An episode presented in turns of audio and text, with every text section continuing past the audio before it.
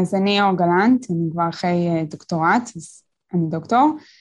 למדתי תואר ראשון בהנדסה כימית, אחרי שנה שהייתי בתעשייה בתחום של קלינטק, חזרתי לטכניון כדי ללמוד קצת יותר להיכנס לעולם המחקר, בתחום של מסלול של הנדסת פולימרים בתואר שני, והמשכתי לדוקטורט ישיר בפקולטה לכימיה, מתוך מחשבה שאם אני ממשיכה למחקר, אני רוצה סביבה של כימאים והבנה כימית עמוקה. ותוך כדי הדוקטורט עלו הרבה נושאים אחרים שלא הייתי מודעת עליהם לפני, שמאוד קשורים בתחום הסביבתי, וזה מה שאני יותר עוסקת בו היום, בפוסט-דוקטורט שלי, בהנדסה אזרחית סביבתית, שבו אני עוסקת בכימות השפעות סביבתיות של תהליכים כימיים. שלום לכולם ולכולן, ברוכים הבאים לעוד פרק של PHDO. איתנו היום, כמו שהציגה את עצמה יפה, דוקטור אור גלנט, חוקרת כימות השפעות סביבתיות של תהליכים כימיים בפקולטה, הנדסה אזרחית סביבתית בטכניון, פעילה, פעלה בעבר כסטודנטית לקידום נושאים סביבתיים בקמפוס, וכיום פעילה בארגון מגמה ירוקה. פתיח ומתחילים.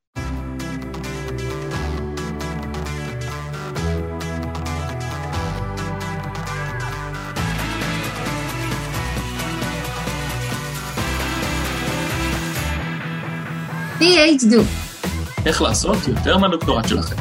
אני ברק דרור, דוקטורנט למיקרוביולוגיה באוניברסיטה העברית, מקים קהילת היזמות ופקולטה לחקלאות.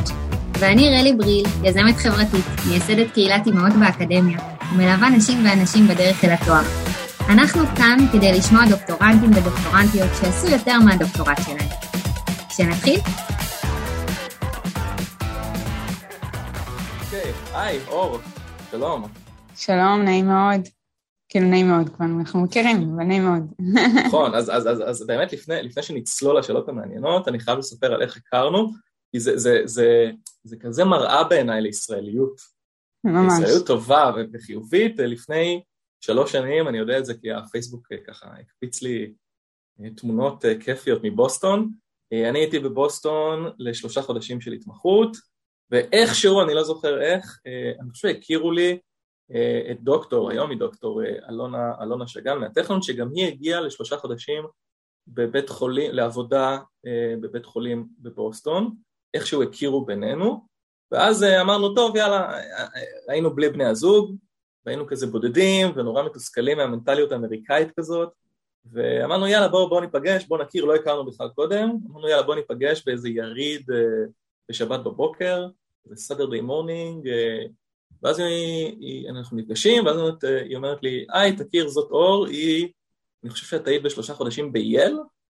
בקורנל, באיתקה. בקורנל, באיתקה, נכון? באתי לבקר את אלונה. היא באה לבקר את אלונה מ...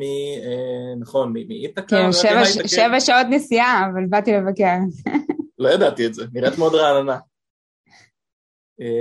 ושם הכרנו, וכזה בילינו שבת בבוקר ביחד, ואני זוכר, סיפרנו אחד לשני על מה אתה עושה, מה אתה עושה, אמרתי, וואו, כאילו, כימאית, איזה מגניב זה, מה אתה עושה, ופה ושם, וזה היה לפני שלוש שנים, ואני חושב שמאז לא דיברנו בכלל.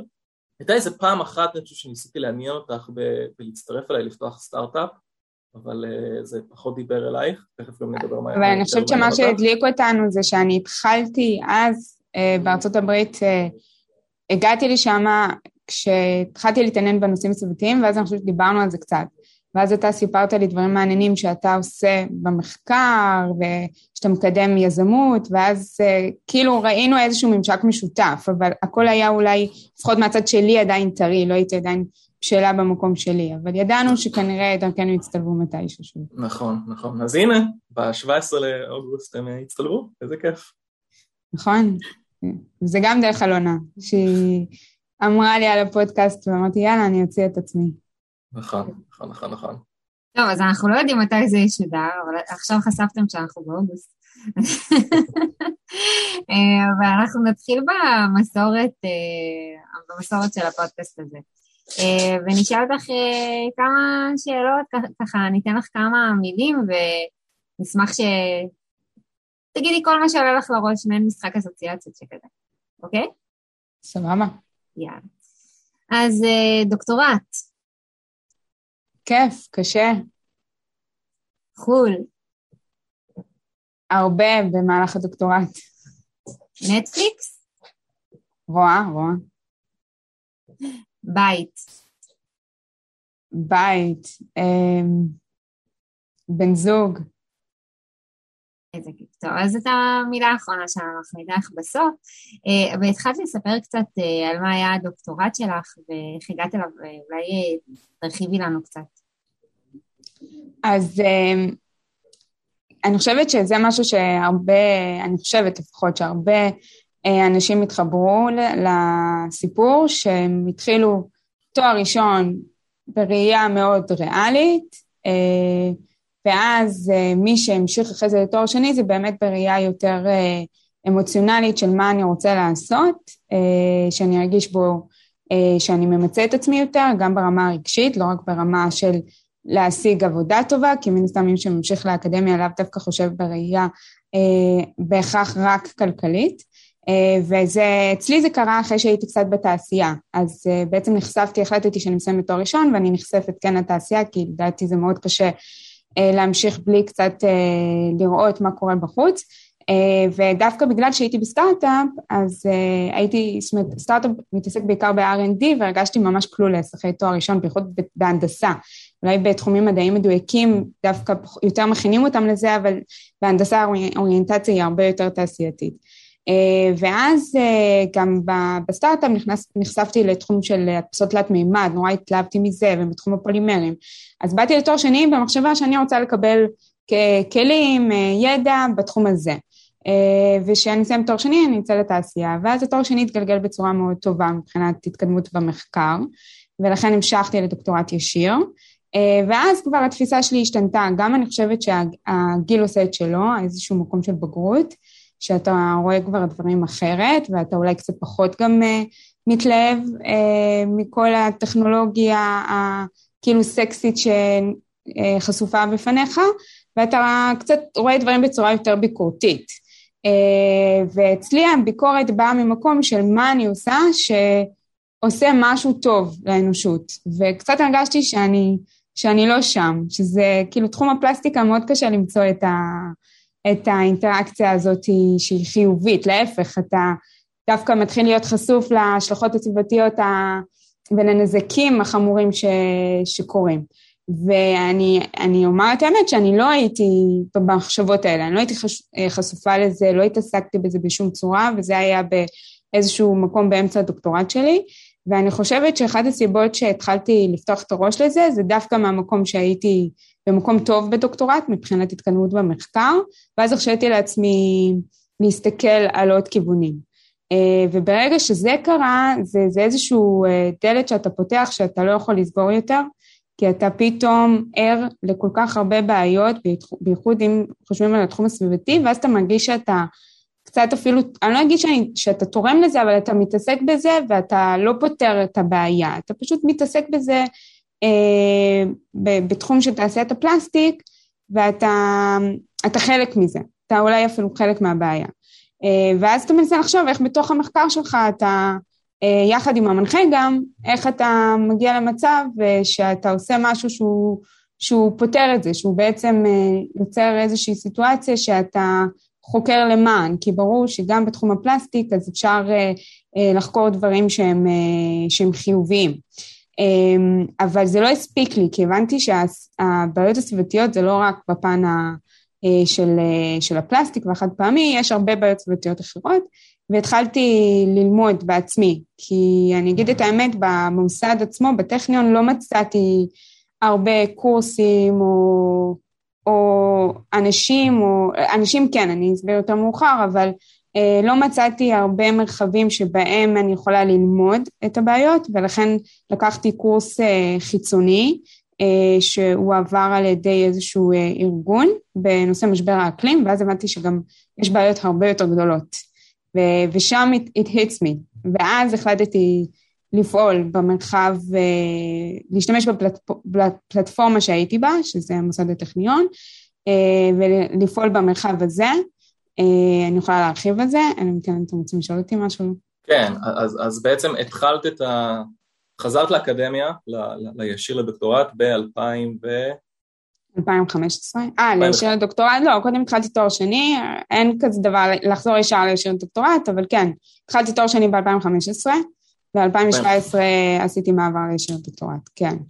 אוקיי, והוא היה באיזושהי אוריינטציה, ואת חקרת, ואנחנו יודעים מה זה מדע, עשית ניסויים, והקמת פלטפורמות וכולי וכולי, ואז מגיע ה milestone הזה, שאת אומרת, אוקיי, איך אני יכולה לעשות משהו טוב יותר, ואז בעצם שנה עושה shift לגמרי למחקר שלך לכיוון אחר? אז זהו, שזה מאוד קשה לעשות shift למחקר.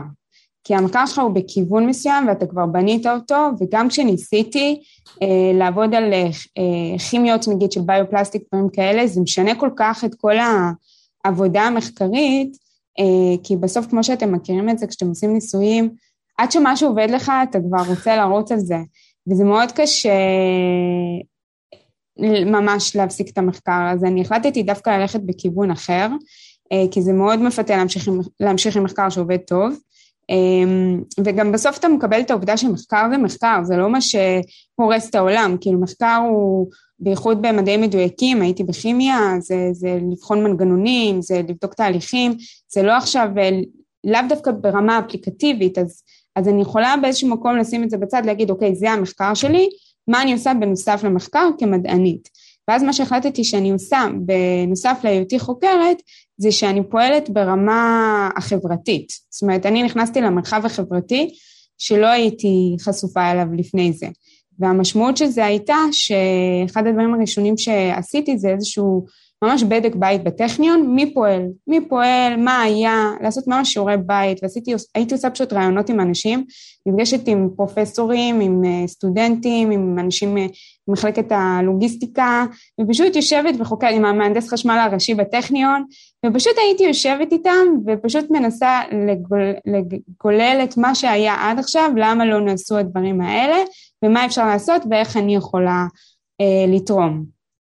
לא הבנתי, ממש כאילו שלחת להם מיילים, אני לא רוצה לדבר כן, איתך על מדע, אני רוצה לדבר איתכם על הסביבה, כאילו, איך זה עובד? כן, כן, התחלתי להגיד שאני דוקטורנטית, קודם כל כדוקטורנט אני חושבת שיש לך כוח אה, הרבה יותר גדול מאשר כתואר ראשון כשאתה ניגש, מסתכלים עליך אחרת, אתה כבר, יש, יש משהו בהכשרה של הדוקטורט שמאוד מאפשר, כי אתה כבר רגיל ללכת לכנסים, כמו שאמרתי הייתי הרבה בחו"ל במהלך הדוקטורט, אז כבר הייתי מאוד מפולפלת בקטע של לבוא למדענים, לדבר איתם, לעשות שיתופי פעולה, לדבר בכנסים, אז זה, לא, זה מרגיש piece of cake לבוא עכשיו ולהתחיל לפנות לכל מיני אנשים בטכניון, ולהפך, אני מרגישה שהם חייבים לי תשובות, אני פה, אני לומדת פה, מעניין אותי מה קורה פה, מה, מה הטכניון עושה, בנושא הזה, בנושא, בתחום היומיומי, כאילו זה לא היה בהיבט המחקרי, זה היה בהיבט של אוקיי, איך אנחנו מתרגמים את מה שאנחנו שואפים אליו, אם זה בא לידי ביטוי במחקר או בחינוך, לאיזושהי, לאיזושהי עשייה יומיומית. אה, אז התחלתי עם זה של מה קורה בטכניון בהיבט של מחזור, בהיבט של שימוש בחד פעמי, אחרי זה זה כבר התגלגל לדברים הרבה יותר בעיניי גדולים וחשובים היום, כמו שכולנו מבינים כמה אה, חשובה הדחיפות של פעילות אה, אה, בנושא של משבר האקלים, ו- ויש הרבה בעיות סביבתיות אחרות, אבל צריך לשים את הסדר העדיפויות בגלל הטיימליין הקיים. אז, אה, אבל, אבל זה איזשהו תהליך שאתה גם עובר עם עצמך ואתה מתחיל את זה. אז בהתחלה התחלתי לבד. מה שהיה ממש חיובי זה ש, שאגודת הסטודנטים מאוד אפשרה לי, נתנה לי את הספייס. היא תמכה בי בפעילויות, היה שם מישהו ספציפי סטודנט אה, שהוא היה אחראי על אה, תרבות וחברה, והוא פשוט קלט אותי וסוג של אימץ את האמביציות האלה ונתן לי מרחב ולימד אותי למי לגשת, עם מי לדבר. ואגב זה גם נורא כיף כי אתה מרגיש שפתאום יש לך ממשק עם מישהו מתואר ראשון, אתה לומד ממנו כי הוא באיזושהי עמדה באגודה שהוא כזה מכיר את האנשים ויודע את הפוליטיקות והוא לומד ממני כי כי אני באה עם ראייה כזאת מאוד יזמית כחוקרת. אה, אז זה היה ממשק אה, התחלתי מאוד חיובי, ואז ניסינו לראות איך אנחנו בעצם אה, יוצרים איזה משהו גדול בטכניון, שאני יכולה להתחיל לספר, אבל אולי יש לכם שאלה ספציפית. כן, אז, אז, אז לפני, כי אנחנו המון, המון מדברים בפודקאסט על התהליכים הקטנים האלה שדוקטורנטים ודוקטורנטיות עושים, אז אני מדמיין אותך שולחת מייל, לא יודע, לאחראי לוגיסטיקה ולאחראי נגיד למהנדס חשמל הראשי, כן. כן, ולא יודע, ואולי הוא חושב לעצמו, מי זאת הנודניקית הזאת עכשיו שבאה להציק לי? אני אשלח מייל למנחה שלה ואני אגיד לו, תגיד לסטודנטית שלך שתפסיק להטריד פה את כל האנשים. היו תגובות כאלה? לא, אף פעם. קונסטרוקטיביים? כולם היו פוזיטיביים, כולם, החלק הקשה זה באמת בסוף הפן המעשי, שבאמת דברים יקרו, אבל בפן של אה, לבוא לקראת ברמה של לשבת, לדבר, לתת לי את האינפורמציה, כולם הקדישו לי את הזמן, אה, שזה פגישות שזה יכול להיות גם שעתיים.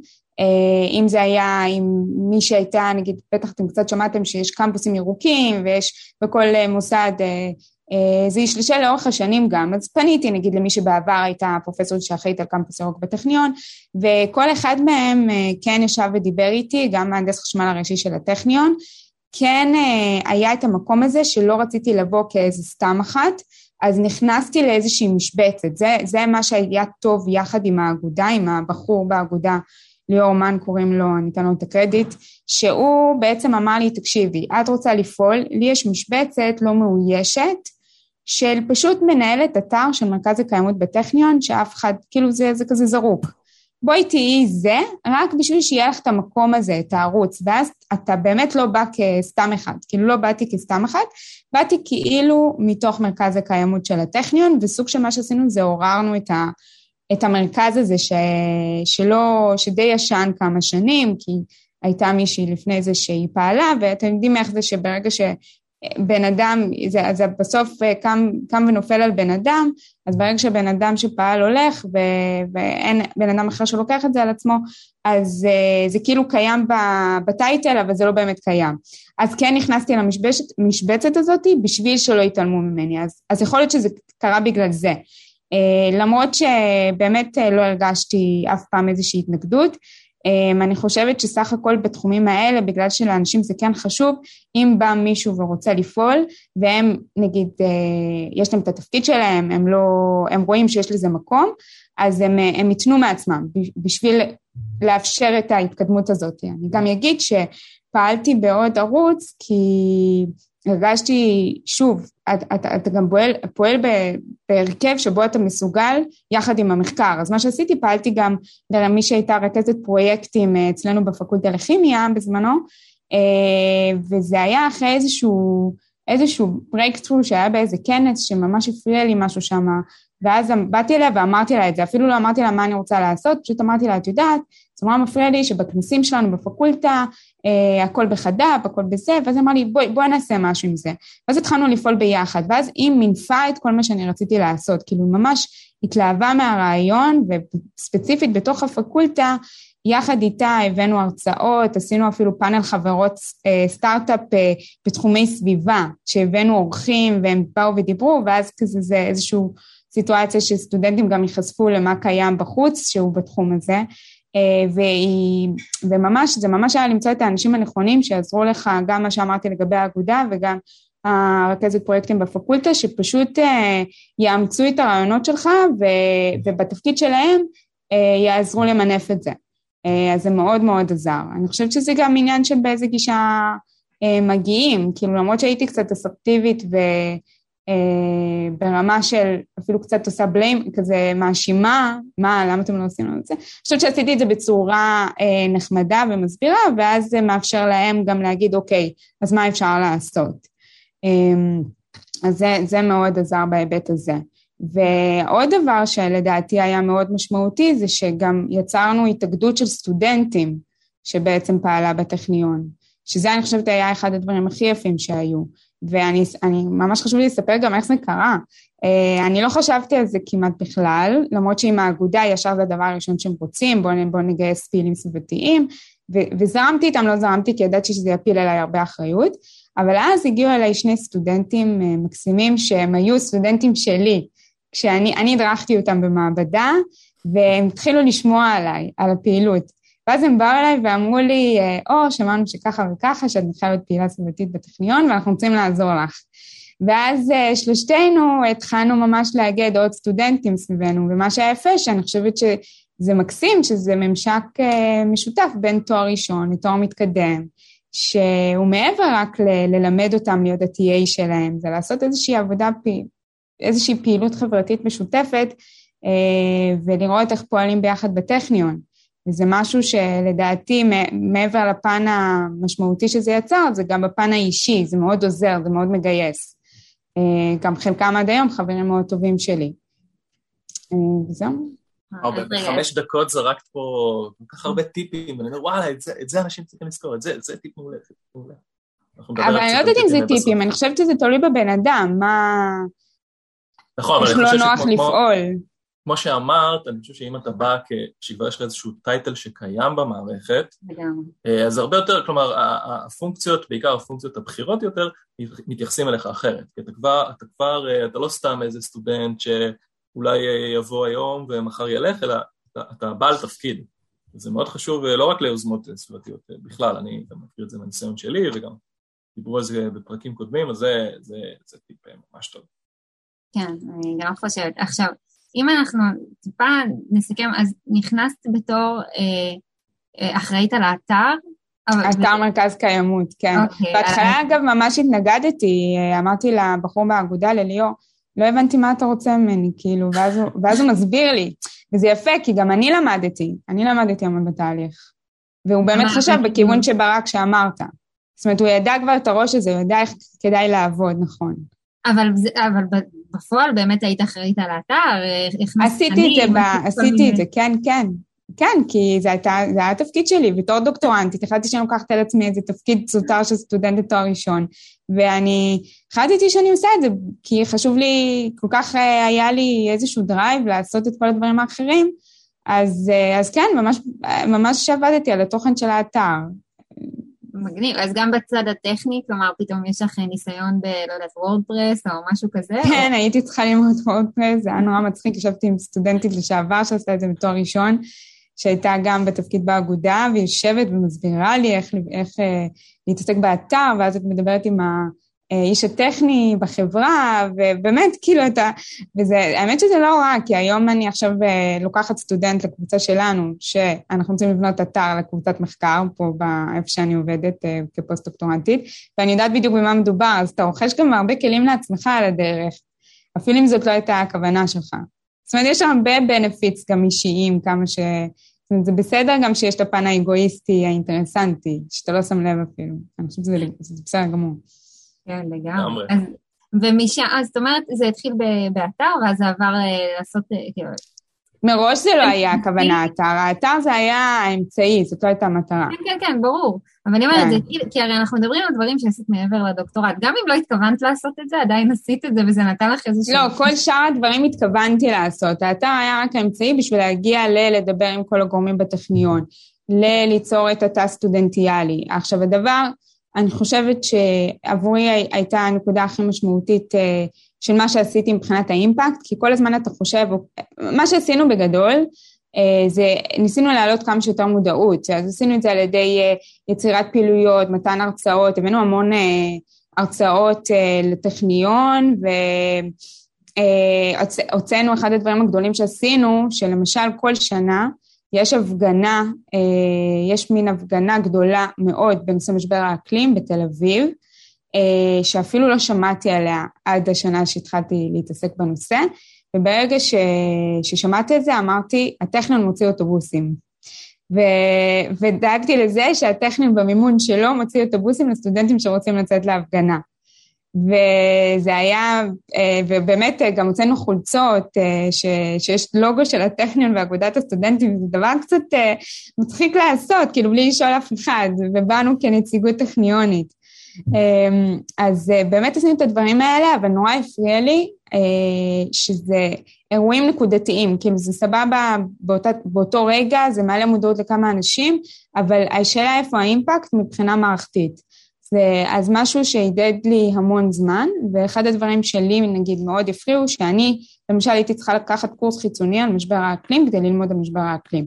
לא מצאתי אה, איך אני לומדת את זה בטכניון, מעבר לאולי קורסים טכנולוגיים בתחום של אנרגיות מתחדשות, אבל, אה, או בנייה ירוקה, אבל זה לא דן בבעיה. ואז אה, אני בעצם פעלתי שנה שלמה במקביל לכל הפעילות החברתית שעשינו יחד עם כל הסטודנטים, פעלתי להטמיע קורס במשבר האקלים. יש הרי כל מוסד, יש מסלול העשרה שסטודנטים יכולים לקחת קורסי העשרה מעבר לקורסים שהם צריכים לקחת בתואר שלהם, אז יש את זה גם בטכניון, יש פקולטה ללימודים הומניסטיים, וממש הצלחתי להטמיע קורס חיצוני, שהוא כבר יש לו תוכנית מוגדרת, יש לו מרצה, ו, ופשוט הצלחתי להביא את זה למצב שזה עובר ועדה אקדמית שהדיקן לא, ללימודים הומניסטיים מאשר את זה ותומך בי לאורך כל הדרך, כאילו זה גם לבוא, לשבת, לדבר איתו, לשכנע אותו, למצוא תקציב, כי הבעיה היא שכולם רוצים, אחרי זה זה עניין של הכסף. אז מצאתי תקציב, אגב, שנה ראשונה זה רץ ללא נקודות זכות אקדמיות, סטודנטים פשוט לקחו את הקורס הזה בלי לקבל שום הכרה אקדמית, כלומר, זה לא נכנס להם לתואר, הם פשוט באו ולקחו את הקורס, וזה אגב גם גייס סטודנטים לפעילות גם, כלומר אחרי שהם למדו את הקורס הם התגייסו אלינו לתא הסטודנטיאלי שיצרנו, שזה היה חלק מהמרחב מה, הזה ש, שמאפשר. אמ, ו, ואז במהלך השנה, כי כל כך, הרגשתי שזה כל כך דחוף שזה יקרה, ששכנעתי את המערכת בעצם שהקורס יועבר עם איזשהו תקציב שהיה קיים, בלי שהוא עדיין מואשר כקורס אקדמי, ובינתיים, בזמן שהוא מועבר, אני עובדת על זה שהוא יעבר כקורס אקדמי, כי זה לוקח זמן עד שזה עובר אה, אישורי ועדה אקדמית. והיום זה כבר, הסמסטר הקרוב זה הולך להיות הסמסטר הרביעי שזה, שזה אקדמי, כלומר זה השנה השלישית כבר שזה מועבר. אז, אה, וזה, וזה מדהים, כי זה עכשיו נחשף, המון סטודנטים נחשפים, נחשפים לנושא הזה, והם חושבים איך הם יכולים בעצם אה, להטמיע את זה בתחום שהם לומדים, אני חושבת שזה גם מאוד חשוב, שהם מסיימים את הטכניון והם יוצאים לתעשייה והם בעצם, אה, זה מהדהד להם בראש, הם בעצם חושבים על הדברים האלה, וזה גם, יש סטודנטים באוניברסיטה העברית, אגב, שפנו אליי ו, ולראות, זאת אומרת, ללמוד ממני איך הם יכולים להטמיע את זה אצלם, את הקורס הזה, זאת אומרת, יש שלוחות של סטודנטים, גם באורנים הייתה, זה ממש אה, יצר איזשהו שלוחות, כי מה שקורה שברגע שאתה נכנס לאיזשהו מרחב מסוים, ונראה לי שניכם מכירים את זה טוב, אה, אתה מתחיל אה, להבין שיש קהילה במרחב הזה. ויש את האנשים, ואז כולם מכירים את כולם, גם אם זה בכל הארץ. ולאט לאט מתחילים לדבר איתך כל הזמן אנשים, ולפנות אליך, שזה גם אגב יכול להיות קצת מתיש, כי אתה מרגיש מחויבות מאוד גדולה. אז אולי בואי נעשה את זה. נעשה את זה פשוט עכשיו, בואי תספרי לנו איך מרימים קורס. ב... ואז כל מי שזה פשוט, לכו לפודקאסט, תקשיבו, ואז אה, תדעו איך עושים את זה. אז, אז, אז מה שאני אה, למדתי כשדיברתי עם אה, סטודנטים מאוניברסיטאות אחרות שניסו לעשות משהו דומה, זה שזה באמת חשוב שזה, נגיד אני לא יכולה לבוא ולהטמיע את זה באוניברסיטה העברית, כי אני לא מכירה את המערכת באוניברסיטה העברית. אני לא יודעת מאיפה אפשר להשיג את התקציב, ואני לא יודעת מי האנשים הנכונים לדבר איתם. אין, אין איזושהי תבנית, זה מאוד בעייתי, כי אתה ממש צריך להכיר את האנשים, וצריך בסוף, אבל מה שכן, צריך להיות הבן אדם, שבמקרה הזה זה הייתי אני בטכניון, שבא ומציק כל הזמן, ופה ברק כן הייתי המציקה. כן כבר הסתכלו עליי המזכרויות, ממש הסתכלו עליי כדי, את כבר מציקה, ו- ואתה פשוט לא אכפת לך. כאילו, אתה אומר, לא, לא אכפת לי, זה חשוב מספיק, שיחשבו מה שהן רוצות, אה, העיקר שזה יקרה. אה, אבל אה, כן יש קושי, כי אני מרגישה שעד היום אני לא יכולה להרפות מזה, גם, גם למרות שניסיתי שזה ייטמע בתוך המערכת ואני כבר מתרחקת ולא מתערבת, אני כן מפחדת מהיום שאני כבר לא אהיה בטכניון, שאולי זה כבר ייפול, וזה קורה הרבה. בארץ אני חושבת שזה קורה המון, וזה כן דבר שהוא מאוד מדאיג לדעתי בהיבט הזה, אבל בהקשר של מה ששאלת, אה, אני חושבת שצריך להכיר את המערכת טוב, להבין איך היא פועלת, את המערכת הספציפית, נגיד אם זה במכללה או באוניברסיטה, להבין אה, מי, מי הגופים שצריך אה, לדבר איתם ומי הגופים שצריך שיתמכו בך. נגיד, אם אני ידעתי עם מי לדבר, שזה הדיקן לימודים הומניסטיים, ידעתי גם מי אני צריכה שיתאגד איתי, שזה היה פרופסור דניאל אורנשטיין, שהוא בעצם גם מונה להיות המלווה האקדמי של מרכז הקיימות, ואני למעשה שכנעתי אותו שהוא איתי בסוגיה, כלומר אם יש התנגדות, הוא יודע לתמוך בי, אם זה על ידי מכתב, אם זה על ידי התקשרות, ואז זה לא אני לבד בסיפור הזה, כלומר יש פרופסור שהוא תומך בזה, ואז פרופסור מול פרופסור, והתהליכים, יותר קל להניע את התהליכים ככה. כי אתה צריך להבין שבסוף אתה דוקטורנט, ואתה כן צריך את העזרה של הפרופסורים ועמדות כוח, וזה בסדר, צריך פשוט לדעת להפעיל אותם ולגייס אותם, אותם לצדך.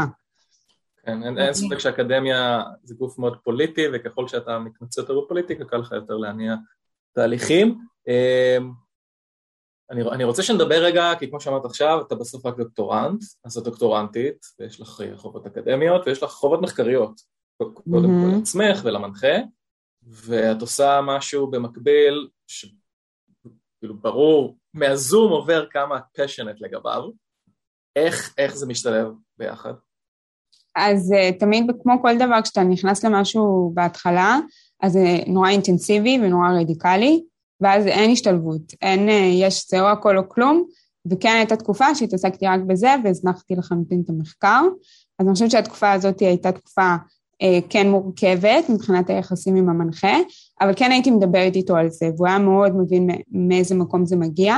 שאגב, זה מאוד נחמד לדבר גם עם המנחה על דברים שהם ברומו של עולם, ולא רק על המחקר שלך, ולשמוע גם מה הוא חושב על זה, ולדעתי, הוא אף פעם לא אמר לי את זה, אבל אני חושבת שזה כן גם אה, חלחל אצלו, כי אה, יש כל מיני סוגיות שנגיד אה, עלו בפקולטה ברמה המחקרית, ואז הוא שאל את דעתי בהיבטים של נגיד תחומים סביבתיים, מחקריים, שרוצים להטמיע יותר, והוא עכשיו גם עובד על לפתוח קורס בסמסטר הבא בתחום של כימיה סביבתית.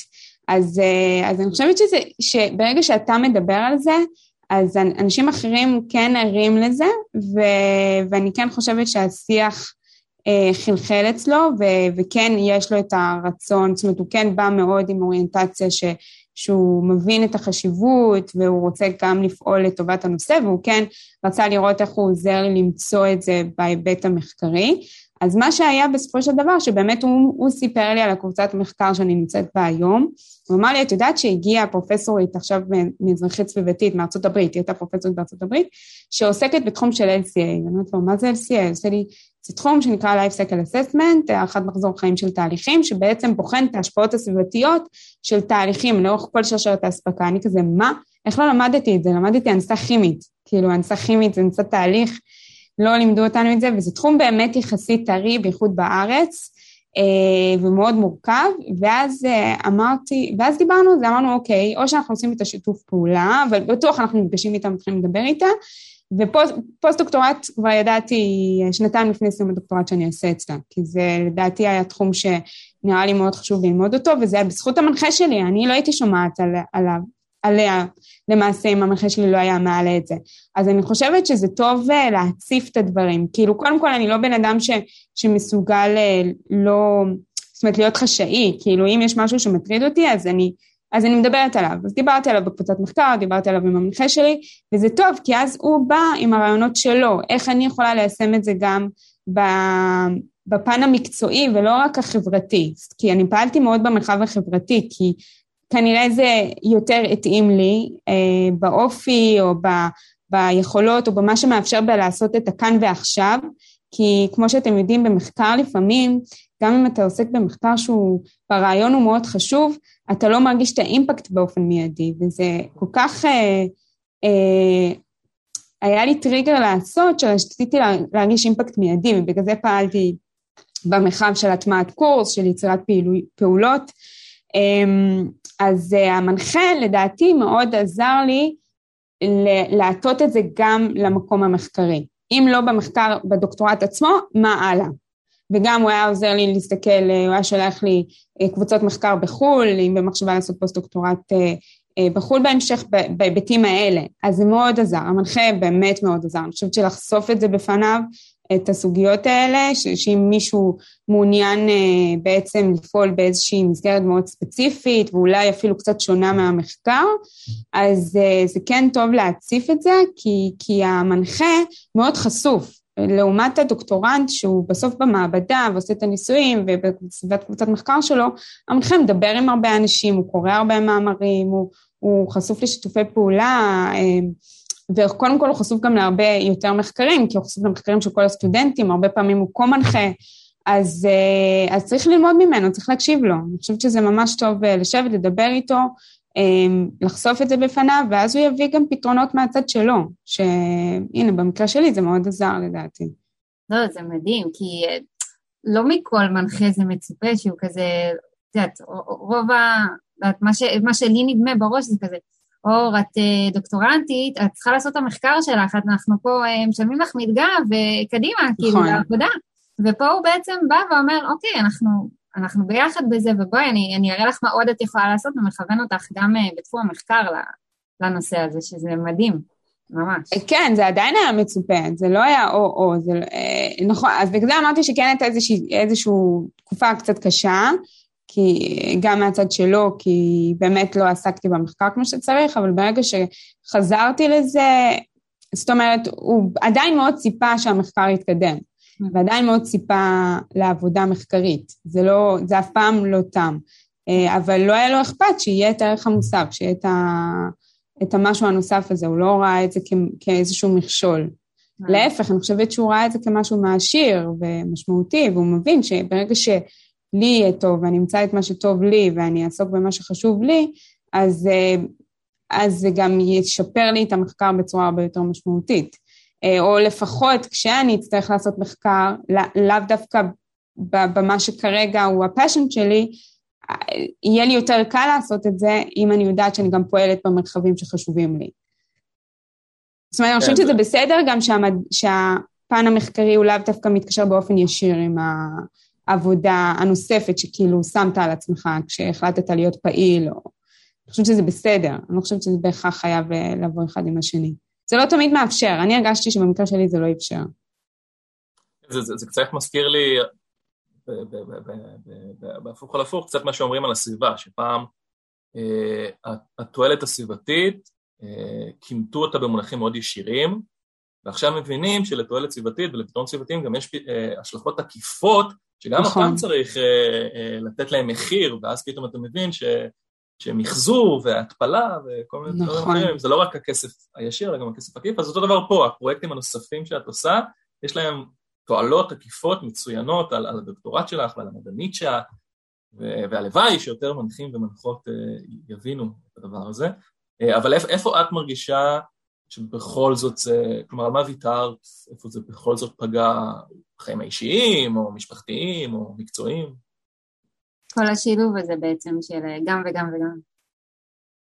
אמ, איפה זה פגע? אה, אני לא חושבת שאני, אולי משהו שהייתי מרגישה שפעם פגע, אולי פחות אני מרגישה שזה, שזה פגע, כי... אמ, שאלה קשה. זאת אומרת, זו שאלת השאלות. אה, אני חושבת שאתה, ברגע שאתה נהיה יותר מודע, אתה יותר, אתה מבקר כל דבר. אה, אם זה מחקרים גם, שכזה, אוי, למה הוא עושה את זה ככה, וזה גם, גם בתחום שאני עוסקת בו עכשיו, בתחום של כמות השפעות סביבתיות, אתה לוקח את זה מאוד אישי. נגיד אם צריך לעשות כל מיני הנחות, שהן לאו דווקא אתה יודע אם הן נכונות או לא, אז אם אתה עושה מחקר שהוא קר, הוא כאילו מנותק רגשית, אז בסדר, אז, אז הכל בסדר, אתה לוקח את הדברים כמו שהם בצורה קרה ועניינית. ופה קצת נכנסים אולי אלמנטים שהם כאילו לא ענייניים, אתה מרגיש שהם ענייניים כי זה החיים וזה האנושות, אבל ברמת הקריירה והמדע ולהתקדם זה כאילו, טוב, בסדר, תעזוב את זה עכשיו, תמשיך להתקדם, כי אז אתה לא תתקדם. אה, ואז, ואז זה נורא קשה, כאילו שהפן הרגשי נכנס לעולם המקצועי. אז אה, כל הזמן איזשהו trade-off כזה שאתה עושה עם עצמך. אה, אני יכולה להגיד שעוד ויתור, אה, שאני חושבת שחשוב לומר אותו, גם אם אה, לרוב האנשים זה יישמע רדיקלי, זה שאחרי דוקטורט שלהם שמאוד אהבתי את הרעיון של לטוס לקורנל ולעשות מחקר ונסעתי לכנסים וכו', היום אני מאוד נגד זה, אני מאוד נגד טיסות, וברמה האקדמית זה מאוד קשה להחליט את ההחלטה הזאתי. כי לצערי באקדמיה יש אה, איזושהי ציפייה שפרופסורים כל הזמן יטוסו ויש אה, להם אינטראקציה, ובצורה קצת לא פרופורציונלית, גם יש, יש פרופסורים שהם גם מבקרים את זה, אגב. כי אז השאלה מה התועלת של אה, פרופסורים שמקדמים מחקר אפילו סביבתי, כשהם טסים בכל העולם כל הזמן, ויש לזה השפעה סביבתית מאוד, מאוד חמורה. ה-carbon footprint של טיסות הוא עצום ברמה של האישית, של מה בן אדם יכול לעשות. אז זה משנה אם אתה ממחזר או לא ממחזר, אם אתה טס המון. וזה משהו שהחלטתי על עצמי שאני לוקחת, גם אגב הטבעונות באה תוך כדי. אה, אז זה אולי, אני לא אגיד שזה הקרבות, כי אני מרגישה שלמה עם זה, אבל אה, בחברה שאנחנו נמצאים בה זה, זה הקרבה, זה כן.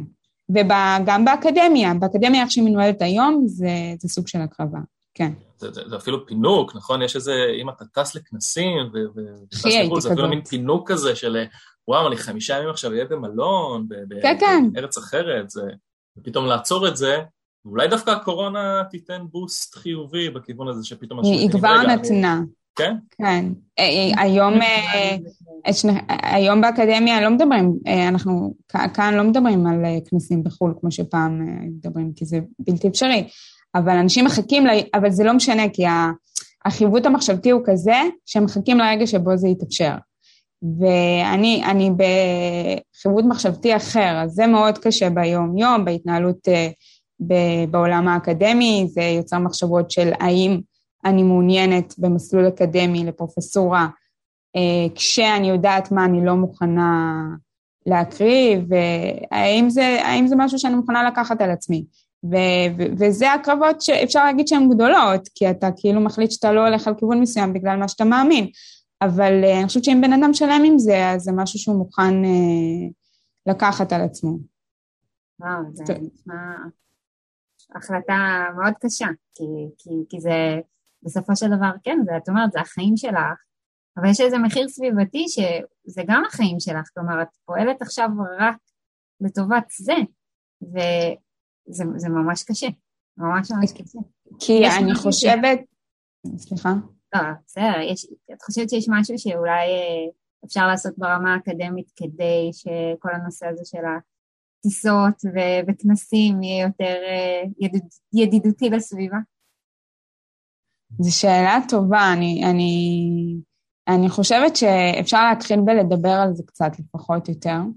להעלות את המודעות, להעלות את הסוגיה הזאת ולראות איך אפשר אה, למצוא לזה פתרון יותר מקיים. אפילו באולימפיאדה עכשיו בטוקיו אה, דיברו על איך הם אה, השתדלו, באמת עסקו בזה והשתדלו להיות כמה שיותר בעצם סביבתיים, אפילו בהיבט של טיסות, הם דיברו על זה שהם ממש עסקו בזה. אני לא, לא נכנסתי לעומק, אבל עצם יכול להיות שיש הרבה גרינווש שם, אבל עצם השיח על זה, הוא, הוא כבר מעלה את זה לדיון.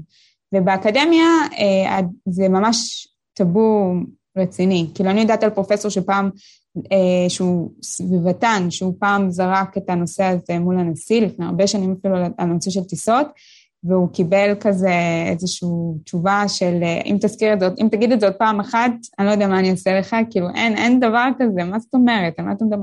כי יש איזו חשיבה באקדמיה, אנחנו עושים דבר כל כך חשוב, שהכל שווה את זה, זה... עכשיו, לדעתי יש עניין של מינון, אה, וצריך לדבר על הסוגיות האלה. אה, ולי, אני כרגע לא במקום, אני, אני לא פותחת את הביקורת הזאתי, אה, כי אני לא חושבת ש... שאנשים ערוכים לזה עדיין. אני חושבת שקשה מאוד לדון בזה. כאילו, עצם זה שאני פותחת את זה איתכם, זה היה כי אנחנו מדברים עליי, אז לא אכפת לי. אז, אז אני בסדר עם זה, אבל זה, זה פורץ דרך. כאילו, בדרך כלל, אם אני מדבר על זה ברמה מוסדית, מערכתית, אני הרבה יותר אזהר. ואת לא חושבת שבקרב החוקרים הסביבתיים אה, כן יכול, אפשר להתחיל שם, כי כולם ככה יותר בכיוון, או ש... לא יודעת, לעשות אה, יותר אה, כנסים בזום, או אה, לנסות לראות איך משנים את כל העניין הזה של המטוסים שם, ולראות מה, מה הם יכולים לסלוט שכן יהיה, אולי זה נצנצים במקום. לא, נצנצים זה גם לא סביבתי בעצם. לא הבנתי, מה זאת אומרת נצנצים? לא, אני אומרת שיפלטו משהו אחר במקום מה שפוגע בסביבה, אבל נצנצים זה גם לא, אז משהו אחר. שיכול בעצם, שאפשר לשנות, כלומר לנסות לפעול בדרך אחרת כדי לשנות את זה, או שכנסים פשוט יהיה סבבה אה, לטוס אליהם, אה, ו- ומטוסים באיזושהי דרך מופלאה שכימאים יצליחו, או לא יודעת, מהנדסים וכאלה יצליחו לעשות, או שבאמת לנסות אה, להפחית טיפה ולראות איזה כנסים אפשר לעשות אה, אונליין וכאלה. אז באמת לפני שהייתה הקורונה, אחרי שעשינו סדנה אחת של הקורס שהטמעתי של משבר האקלים, אז דוקטורנטית אחת ואני, אז זה היה כזה לא מוכר, אז באמת התחלנו לחשוב על יצירת כנס וירטואלי. היום, היום זה פשוט, זה מה שקיים, כאילו אני, אני בטוחה שגם אתם, אני אני נרשמת רק לכנסים וירטואליים, ואני רואה אה, דוקטורנטים אחרים שמפרסמים אה, הרצאה ופוסטר בכנס וירטואלי, אז, אז אה, אני חושבת שאם באמת לא היה את הקורונה, זו הייתה סוגיה שיכול להיות שהייתי בוחרת להתמקד בה, ופשוט היום זה, זה גם ככה לא מאפשר, לא, גם אם יש אנשים שטסים להנאתם, ואנחנו רואים את זה קורה בנתב"ג, ברמה האקדמית, אה, לא מארגנים כנסים, כי זה פשוט נורא מורכב בלוגיסטיקה הקיימת, לפחות לא שאני מכירה, אני לא שמעתי את זה בטכניון. אז פשוט לשמור את זה גם לאחר כך. אני, כן, כן, כן. זה, זהו, אז... כנראה שיש פה, יש פה, כמו הרבה דברים בסביבה ובכלכלה, יש פה עניין אה, בין דורי. כאילו כשה baby boomers ודור ה-X אה, יפנו את מקומם לדור ה-Y ואחריהם, שזה אנחנו בעיקרון, אז ככה גם הדברים האלה גם השתנו. מצד אחד אנחנו דור מאוד אה, גלובלי והכל בהישג יד, מצד שני אנחנו מתחילים יותר ויותר להבין ולהפנים את המחירים האלה. אז אני חושב שהפרופסורים והפרופסוריות היותר ותיקים שפחות מתחברים, נכון. שהם ככה כבולים למסורות האקדמיות האלה, יפנו את מקומם לדורות שיותר אכפת להם, הדברים גם יתחילו להשתנות.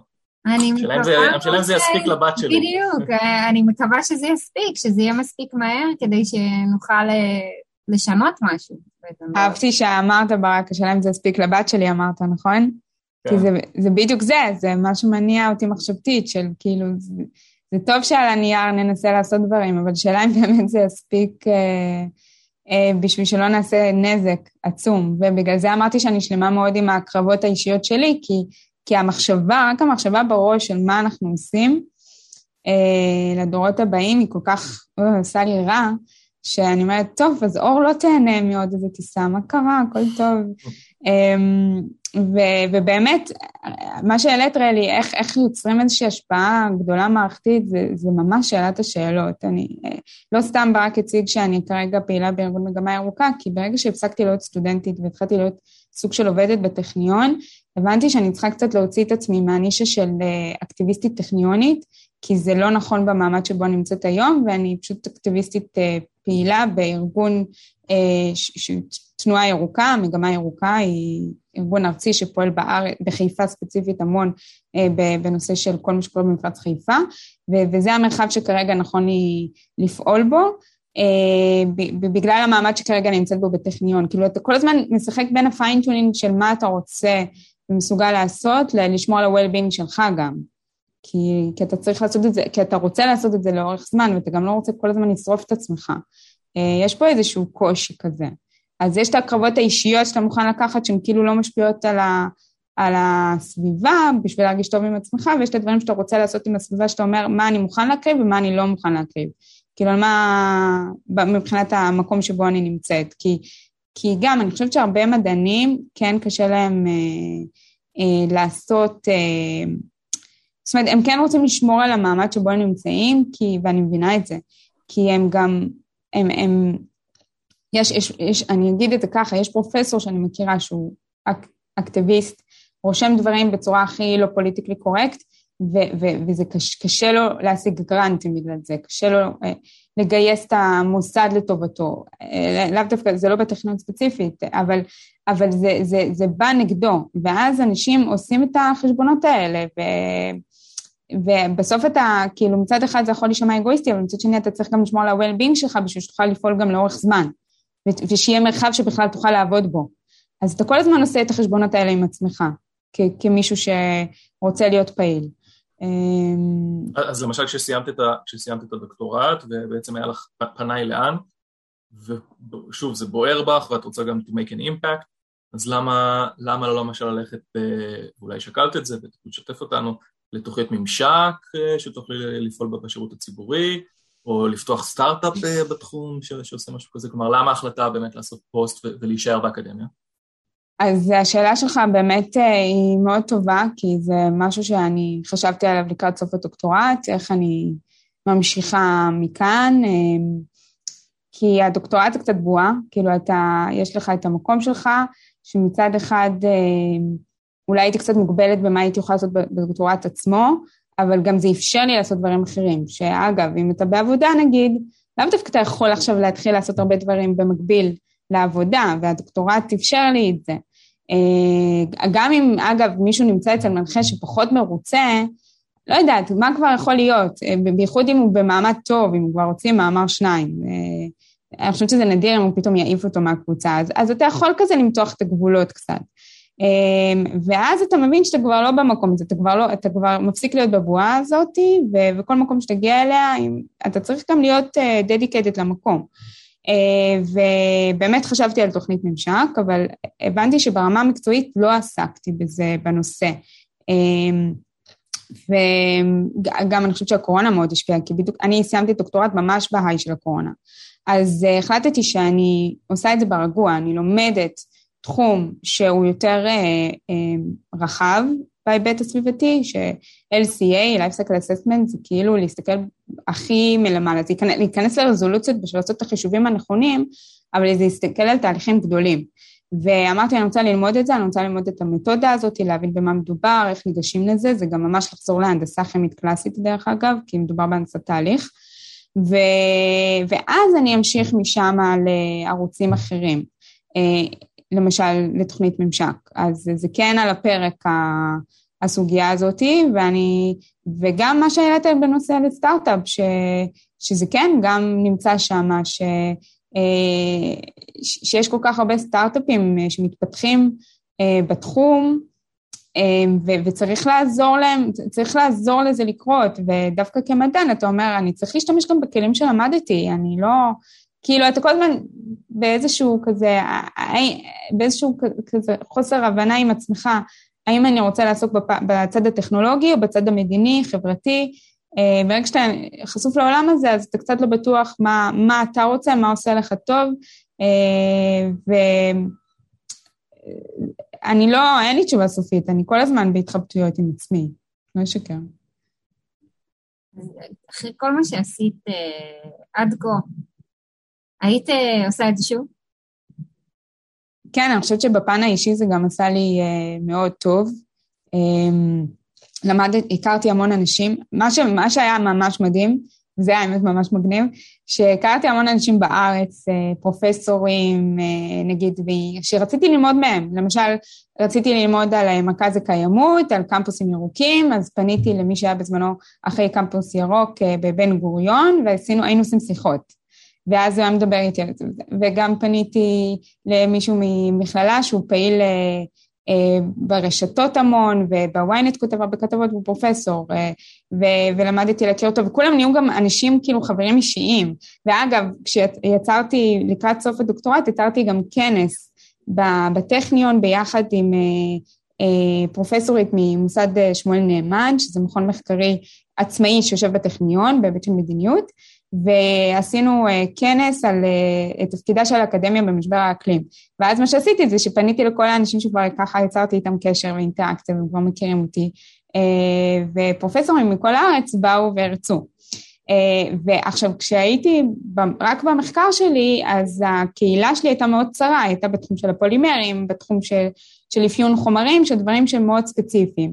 וככה נחשפתי להרבה תחומים אחרים, אז uh, בפן האישי זה היה מאוד מעניין, כאילו לראות מה עוד יש, וגם אני חושבת שיש חיבור להכל.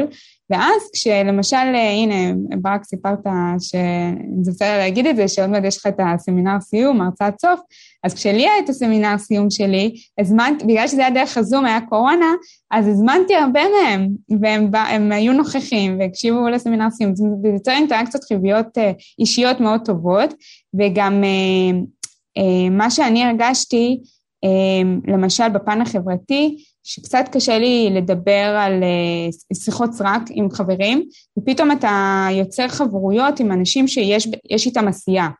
כאילו עושים איתם דברים, פוסטקאסטים למשל, פעילויות, אירועים, הולכים להפגנות, הולכים לניקיון חופים. זאת אומרת, יש משהו סביב העשייה המשותפת שיוצרת חברות מאוד מעשירה, גם בשיח, גם בעשייה. אז בפן הזה אני ממש מודה על זה, שנפתחתי לעולם הזה, כי אישית זה מאוד מעשיר, זה נתן, נתן הרבה עומק לחיים. בפן הלא אישי, יש הרבה תסכול, כן, כי אתה לא מרגיש שקורה מה שרצית שיקרה. אה, בחוץ, נגיד אם זה משבר האקלים, שאין עשייה ויש פחד כזה של מה יהיה, למה לא עושים מספיק, אבל אתה גם, קצת קשה לך כל הזמן לפעול, ויש, אגב, אה, בארץ אה, אנשים אקטיביסטים שאתה כאילו רק להוריד להם את הכובע, כמה הם מקריבים מעצמם והם פועלים והם שם, והם עושים דברים רדיקליים כאלה ש, שכדי לעורר את השיח החברתי, ולרוב גם זה לא כל כך עובד, כי התקשורת לא מתקשרת את זה בכלל, ואז הם קצת עם עצמם ובמדיה החברתית רק, ואז מי שכבר engaged רק רואה את זה, וזה משהו שנגיד אני אישית לא הצלחתי להביא את עצמי לשם. כאילו אני כל הזמן, אני נגיד כל הזמן מביאה את עצמי למקום של לשמור על ה-well-being שלי, ויש כאלה שהם לא, שהם ממש, אה, ממש מתאבדים על זה בצורה שבאמת אה, זה נורא מיוחד לראות את זה, אבל, אבל אה, זה יוצר, זה יוצר המון תסכול. כאילו צריך, צריך לקבל באיזשהו שלב את העובדה שאתה חי עם הדיסוננס ועם הקושי, אה, ו- ולהיות שלם ולא שלם עם זה כל הזמן. אז, אה, אז יש את הפן הזה, כאילו שאם אתה לא נכנסת לזה, לשאלתך, אם לא הייתי נכנסת לזה, נגיד הייתי ממשיכה לחיות אולי בבועה שלי ולא רואה את הדברים האלה, אז אולי זה קצת מקל על החיים. אבל יש, אז יש לזה מחיר, כן. יש לזה מחיר לא, לא, לא כיף ב, בלשון המעטה. כן, זה היה סיכום יפה, לחיות את הדיסוננס הזה. אה, אם כי, עוד פעם, אה, לצערנו, אה, מזג האוויר בחוץ, וכל השריפות, גם פה וגם בחו"ל, מכריח אנשים לצאת מהבועה. ושוב, השאלה רק אם, זה, אם נוכל לעשות את הדברים בזמן. טוב ובזמן, כדי... יש לנו הרבה שיחות על זה, לי, לי ולאשתי, שכאילו, באמת, לאיזה עולם, איזה עולם תמרה תחיה בו? אנחנו כל הזמן עם מזגן, mm. כל הזמן עם מעבר, רק הולך ונהיה פה חם יותר. אז כאילו, what the hell יהיה פה עוד 20 שנה כשהיא תהיה אדם בוקר. אה, ואישית החלטנו אה, להתחיל ממש לצמצם בבשר. אני חושב ששוב, אה, זה משהו, כשמכריחים אותך לצאת מהבועה, אתה, רק אז אתה מקבל את ההחלטות. כי כל עוד אתה חי את החיים הנוחים שלך, אז, בסדר, אז נאכל סטייק פעמיים בשבוע, ונאכל המבורגרים, ומה שנרצה. עד שיש איזה משהו שפה אנחנו לצאת ממנו. אם יש לך איזשהו מסר, איזשהו טיפ לכל מי שמאזין אה, על כל מה שדיברנו עכשיו, אה, וכמובן אני אשמח שתספרי לנו, אה, מי שרוצה ומעניין אותו לפעול לטובת המשבר הזה או לטובת הסביבה, מה, מה אפשר לעשות ואיך אפשר למצוא אותך. אז אני חושבת שהטיפ שיש לי בתחום הזה, מבחינת אם מישהו רוצה לפעול, זה שזה טוב וחשוב באמת אה, לחשוב, לחשוב עם עצמך מה אתה יכול לעשות במרחב האישי שלך, אבל כן, חשוב להבין שהיום זה לא מספיק, וצריך אה, אה, לראות איך אה, חוברים לאנשים שכבר פועלים ולנסות לעשות משהו גדול יותר. אה, וכשאתה נפתח לזה, אתה מגלה שיש אה, המון עשייה בארץ, המון תנועות סביבתיות. ואז הטיפ שלי זה בעצם לבחון אותם ולראות למה אתה מתחבר ו- ולחבור אליהם. היום בגלל גם הנושא של משבר האקלים, התנועות הסביבתיות עובדות הרבה ביחד. בעבר זה פחות היה ככה, אני ממש הייתי חשופה לתהליך, ולכן גם אם אתה פעיל בתנועה סביבתית, למשל יותר חשוב לך הנושא של טבעונות ואתה אה, פעיל אה, באיזושהי עמותה שהיא מתקשרת לזה, בסוף יש, גם, יש לה גם חיבור עם תנועות אחרות שדנות בסוגיות נוספות, אבל אתה מתמקד במה ש... אה, מה שהכי חשוב לך, או שהכי אתה אוהב לעסוק בו, אז גם למצוא את השילוב של מה שחשוב לך ומה שאתה גם נהנה ממנו אישית, או הייתי אומרת גם נהנה, אבל מסוגל לעשות אותו, אה, אבל כן לצאת, כן ממש לחשוב איך אתה יוצא מה... מרק החשיבה של עשייה אישית, אני ממחזר, אני אה, לא יודעת מה, מפחית באנרגיה, ו... בבשר, שאגב, כל הדברים האלה הם חשובים, אני גם עושה אותם אישית, אבל גם לחשוב איך לעשות את הערך המוסף שהוא יותר גדול, שהוא יותר מערכתי. ו- וכל אחד צריך למצוא ב- ביכולות שלו. אה, כי לא, כמו שאמרתי, לדעתי דוקטורנט, אם הוא במצב טוב בדוקטורט, יכול לנצל את הפלטפורמה במוסד שלו ולעשות מעבר. אבל מישהו שעובד בתעשייה בפול טיים ג'וב, לאו דווקא מסוגל לעשות את זה. אז אני רק אגיד, לדוגמה, בארגון מגמה ירוקה אה, יש אה, דוקטור שהוא עובד באיזושהי חברה בחברת סטארט-אפ, והוא עוזר לנו במחקרים למשל, הוא מייעץ. אז הוא לא שם כל הזמן כפעיל, אבל הוא מצליח בעצם לתת את האימפקט שלו כשצריך. אז, אז כל אחד ימצא את הכיוון שלו בהיבט הזה. ראלי, יש לנו חוב לאור לקראת סיום. אז כן, הבטחנו ויש לנו את המילה החמישית, אז אסוציאציה מהירה, אור גלנט.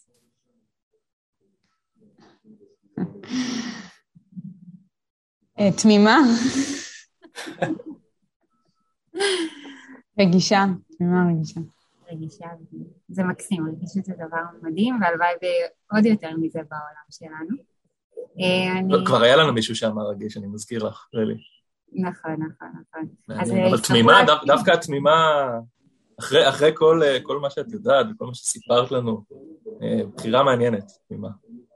אז אה, אנחנו נשים, אה, תשלחי לנו לינקים שנשים אה, ככה בתיאור של הפרק לכל מי שרוצה להצטרף לכל מיני דברים וכמובן איך להגיע אלייך. ואני רוצה להזמין את כולם לחבב אותנו, לעקוב אחרינו כמובן, ולנסות לראות איך אתם עושים קצת יותר מהדוקטורט שלכם. ספרו לנו, תשתפו אותנו, ספרו לנו אם יש עוד כאלה שאתם מכירים.